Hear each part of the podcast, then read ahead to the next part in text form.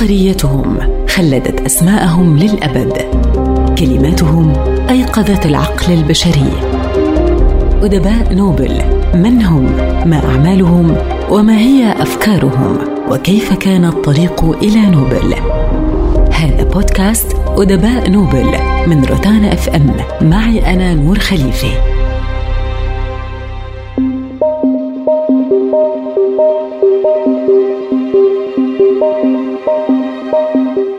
تكون حياتي مثل المجاري المفتوحة أمر يثير حساسيتي. يكره هيمينغوي أن تستغل سيرته الذاتية من أجل الدعاية. لذا وقبل أن أبدأ الحديث عنه أتعهد للسيد هيمينغوي بأني لن أهين حساسيته لأغراض عاطفية أو دعائية بل سنمضي معك وقتا ممتعا ونصارع أنفسنا دون ابتذال للمشاهد. فلنبدأ. قد تحتاج الحياة إلى بندقية صيد لجهوزية تامة للتصدي في لحظات الخطر للعب للمرح أو للحرب. ربما هذا ما فهمه هيمينغوي في سن مبكرة عندما فضل البندقية التي أهداها له والده على آلة التشيلو التي أهدتها له والدته. حياة صاخبة وغريبة تنطوي على المغامرات. بطلها رجل وسيم حساس وقلق. رحلة شجاعة تصدى فيها للموت وللدببه والثيران وانتهى به الأمر متصديا لنفسه وعقله. ولد أرنست هيمينغوي في عام 1899 في ولاية ميلينوي الأمريكية لأب طبيب مولع بالصيد والتاريخ الطبيعي وأم متزمتة في تربية أبنائها على الأعراف البرجوازية والتعاليم البروتستانتية والتي لطالما تمنت بأن ترزق بطفلة. فاستمرت بإلباس هيمينغوي ملابس خاصة بالفتيات حتى سن الرابعة. دخل هيمينغوي معترك الحياة المهنية مبكراً وعمل بعد تخرجه صحفياً في جريدة كانساس ستار. وعمله كصحفي كان له الأثر الكبير في أسلوبه ككاتب والذي اتسم بالوضوح والبساطة في الكتابة. من حب إلى حب ومن حرب إلى حرب. عاش هيمينغوي حياة كاتب يأبى أن يكون تسلسلها هادئا ومنظما. أحداثا سريعة وروايات مقتضة تشبه صاحبها. كان يحلم بالانضمام إلى الجيش والمشاركة بالحرب العالمية الأولى. لكنه لم يستطع بسبب عيب في عينه ورثه عن أمه. فتطوع للصليب الأحمر الإيطالي وعمل كسائق سيارة إسعاف. وأثناء قيامه بعمله أصيب إصابة بليغة. وبفضل هذه التضحية حصل على رتبة ملازم ووسام شجاعة. وأثناء إقامته في المستشفى تعرف على ممرضة تدعى اغنيس فان كوروسكي. ووقع في الحب للمرة الأولى. وخططا للزواج لكنها تركته وتزوجت من ضابط إيطالي. وفي رواية أخرى يقال أن هيمينغوي قتلها بعد أن تزوجت. ورواية معارضة تقول أنه استمر في مراسلتها واستوحى منها شخصية كاترين باركلين في روايته وداعا للسلاح. تعرف بعدها على هادلي ريتشاردسون فتزوجا واستقرا في باريس. حيث عمل كمراسل لصحيفة تورنتو ستار وعينته الصحيفة مراسلا حربيا خلال الصراع التركي اليوناني في الأناضول. ومن ثم كلفته الصحيفة بإنجاز سلسلة تقارير في إسبانيا عن مصارعة الثيران وشكل هذا العمل بداية شغفه بمصارعة الثيران والتأمل في قصص المصارعين التي أثرت بشكل كبير على كتاباته التي استوحى منها روايته موت في الظاهرة وأكد ذلك بقوله أردت أن أجرب مهنة الكتابة من خلال التركيز في الأشياء البسيطة. وإذا بي أكتشف بأن لا شيء أكثر بساطة من الموت العنيف. في باريس أصبح هيمينغوي أديباً مهماً في حياة الجيل الضائع كما سمته الأديبة جيرترد شتاين. والتي عرفته على أهم الكتاب والفنانين مثل بيكاسو وجيمس جويس حيث كانت الحركة الثقافية في فرنسا تعيش عصرها الذهبي. وفي عام 1929 انتهى زواجه بهايدلي بسبب علاقته مع بولين فايفر التي أصبحت زوجته الثانية. وانفصلا بعد عودتهما من الحرب الأهلية الإسبانية التي غطى أحداثها كمراسل حربي. ما بين عامي 1936 و 1938 عمل مراسلا حربيا لتغطية الحرب الأهلية الإسبانية ثم انخرط في الحرب كمقاتل إلى جانب الجمهوريين معبرا عن عدائه للفاشية. ودخل الحرب ضد الفاشيين والنازيين مع زوجته الثالثة مارثا كيلدهورن التي كانت تعمل مراسلة على الجبهة الروسية الصينية. واتهم هيمينغوي أنه مجرم حرب لكنه نفى ذلك قائلا إن الرفاق منحوه هذه الألقاب كنوع من التعاطف. وفي نهاية الحرب تعرف في لندن على مراسلة أخرى تدعى ماري وولش وتزوجها بعد طلاقه من مارتا التي كانت رابع زوجاته وآخرهن. في عام 1954 تعرض هيمينغوي لحادث طائرة وأصيب بجرح في رأسه.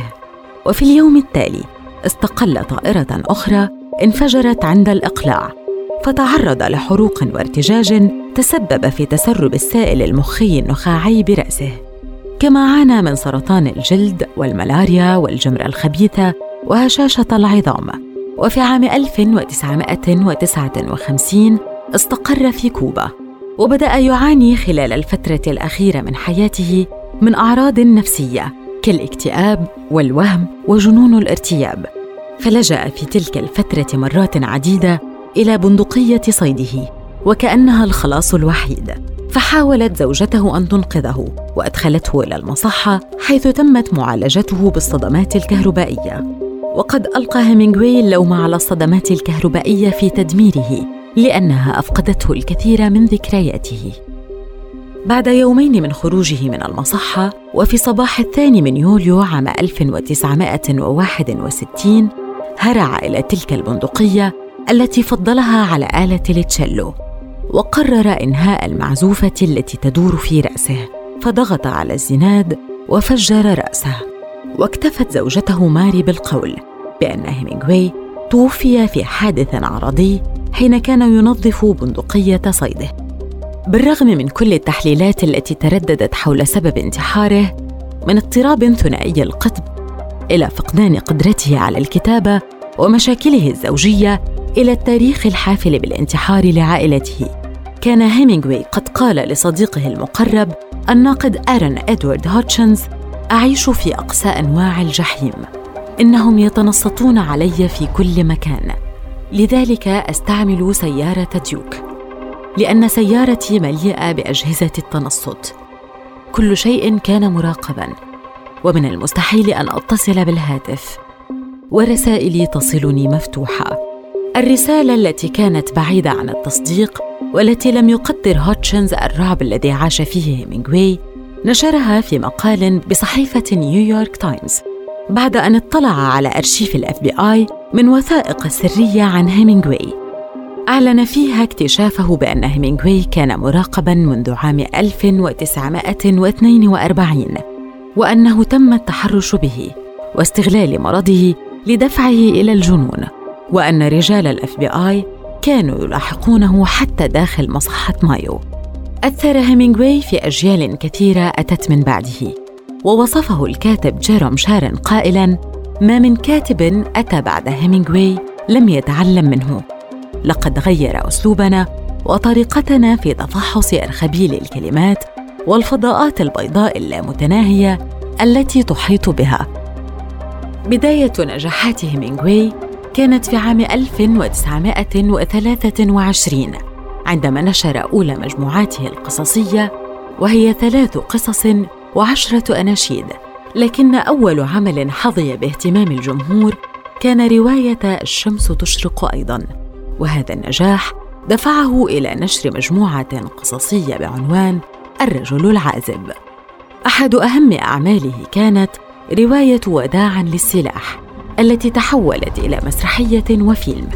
وخلال تواجده في كوبا نشر عملا بعنوان الفائز يخرج صفر اليدين. ثم كتب رواية إفريقيا الخضراء عن رحلة قادته إلى شمال القارة لصيد الفرائس البرية. أما روايته لمن تقرع الأجراس والتي كتبها عام 1940 حققت نجاحا باهرا وتجاوزت مبيعاتها المليون نسخة في السنة الأولى من نشرها.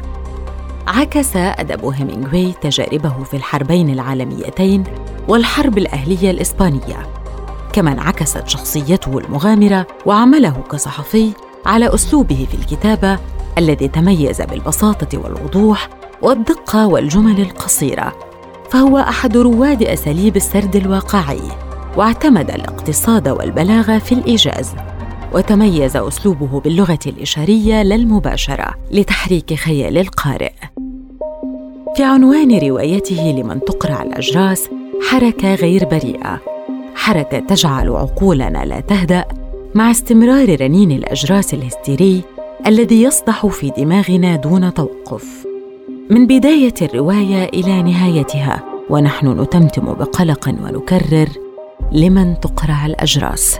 هذه الرواية التي نفى هيمينغوي أن تكون سياسية وإذا أمعنا قراءتها نجد أننا أمام رواية فلسفية ووجودية والمحور فيها هو الإنسان ومعنى وجوده.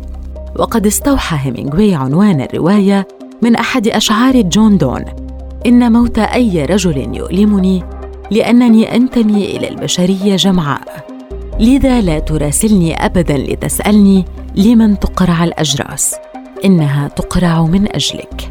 تأخذنا هذه رواية إلى إسبانيا وويلات الحرب الأهلية الإسبانية والصراع بين الفاشية والشيوعية حيث انقسم فيها الشعب الإسباني إلى معسكرين هما المعسكر القومي والمعسكر الجمهوري.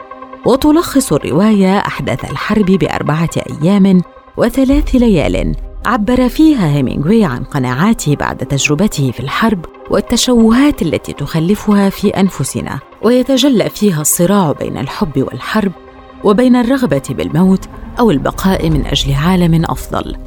بطل الرواية روبرت جوردن أستاذ اللغة الإسبانية في الجامعة انخرط في صفوف اليسار الجمهوري الإسباني وانضوى تحت إحدى الكتائب الشيوعية وبصفته خبيرا بالمتفجرات أوكلت له مهمة تفجير الجسر لمنع مواصلة الفاشيين من هجومهم على مدينة سيغوفيا التي كانت من أهم معاقل الجمهوريين.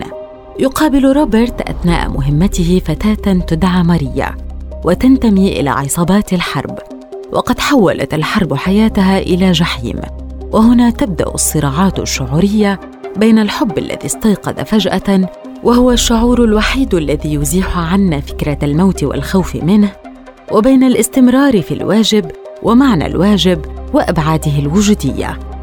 وفي إحدى المشاهد يعبر روبرت عن حبه لماريا قائلا أحبك وحبي لك يبلغ حبي لكل ما نحارب من أجله.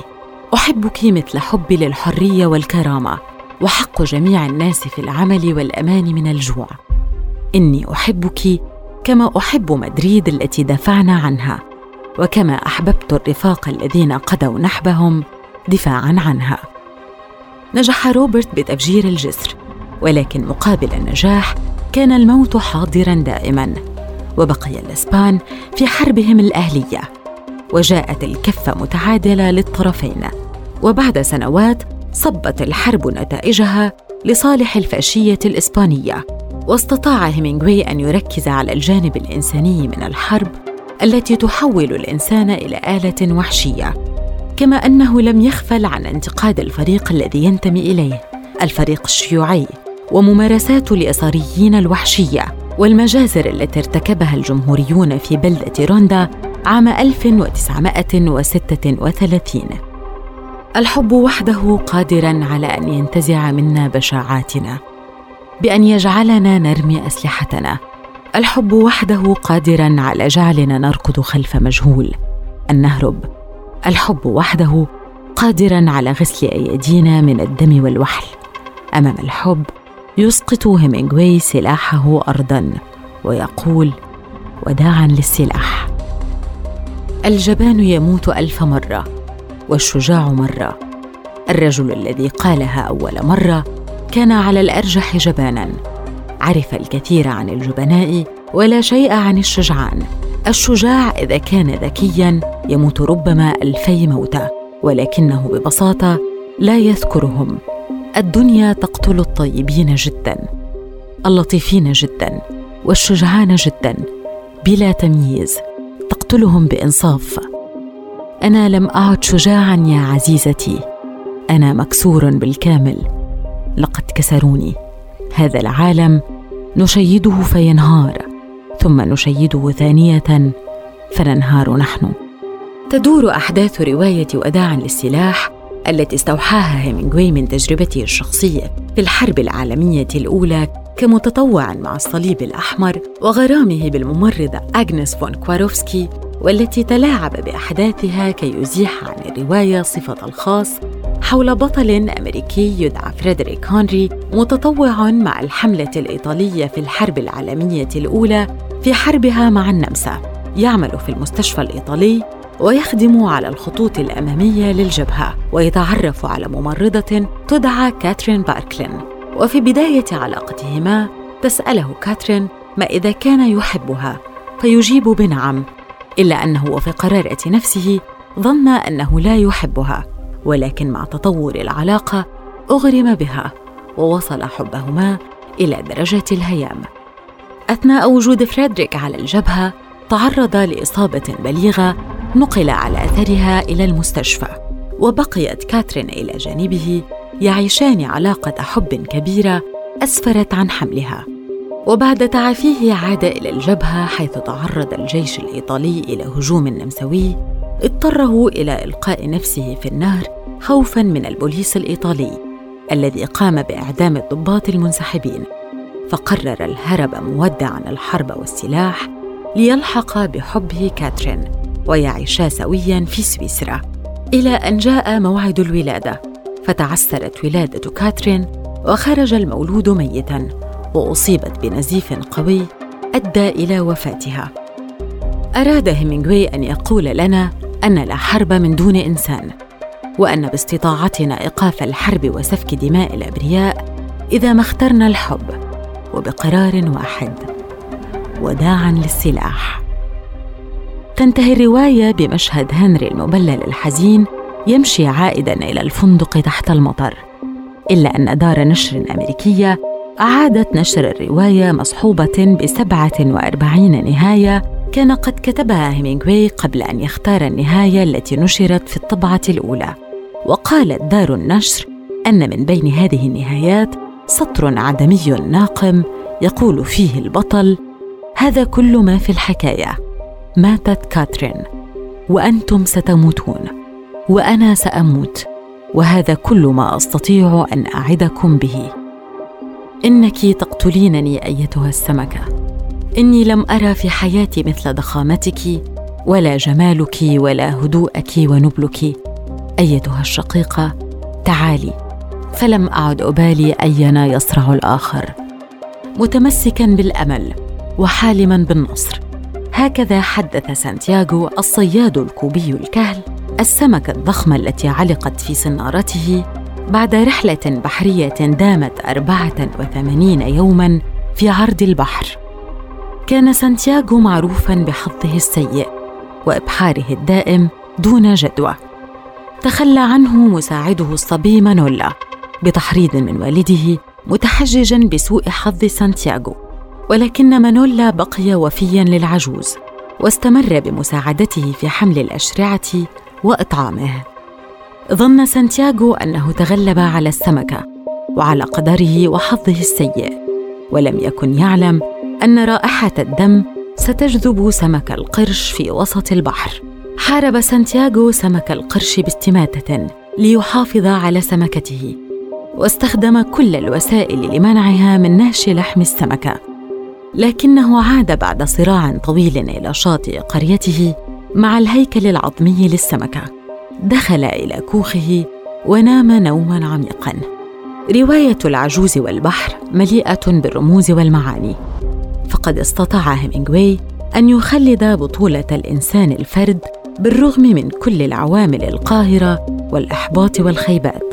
ذلك الإنسان الذي لا حيلة لديه سوى ترويض نفسه لمواجهة العالم والقدر معا.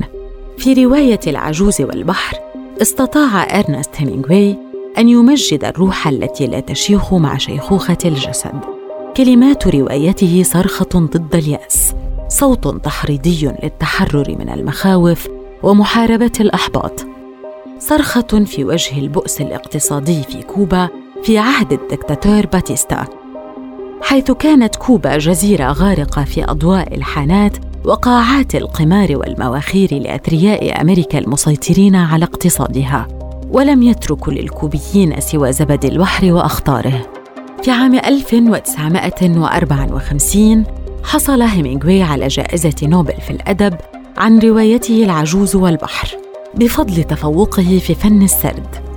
وحينها أخبر الصحافة أن كارل ساندبرغ وإسحاق دينيسون وبرنارد بيرنسون هم أحق منه بالتكريم واكتفى باستلام المبلغ النقدي من الجائزة. واختار عدم حضور الحفل ثم طلب من سفير الولايات المتحدة الأمريكية في السويد آنذاك جون سي قراءة خطاب الجائزة الذي وجد في سيرته الذاتية وفيما بعد قام بتسجيل الخطاب بصوته وجاء في الخطاب ما يلي No writer who knows the great writers who did not receive the prize can accept it other than with humility. لعدم وجود أي وسيلة لإلقاء الخطاب أو أي خطاب شفوي أو أي وسيلة لنقل الخطاب بشكل مباشر يسعدني أن أشكر مدراء جائزة ألفريد نوبل على هذه الجائزة والسخاء. ونظرا لمعرفتي كم من عظماء الكتابة والأدب لم ينالوا هذه الجائزة. لا أملك سوى أن أغرق في التواضع عند الفوز بها. وأولئك العظماء كثر ولا يمكن حصرهم بأسماء معينة. فكل شخص يمكنه التسمية وفقا لإملاءات معرفته وضميره. لازلت أشعر بالشك تجاه تأثير منظمات الكتاب على الكاتب ووحدته وقدرتها على تنمية كتاباته. وكلما ازداد انجذابه إلى المكانة والمظاهر العامة فارقته وحدته الملهمة وأخذ عمله بالانحدار.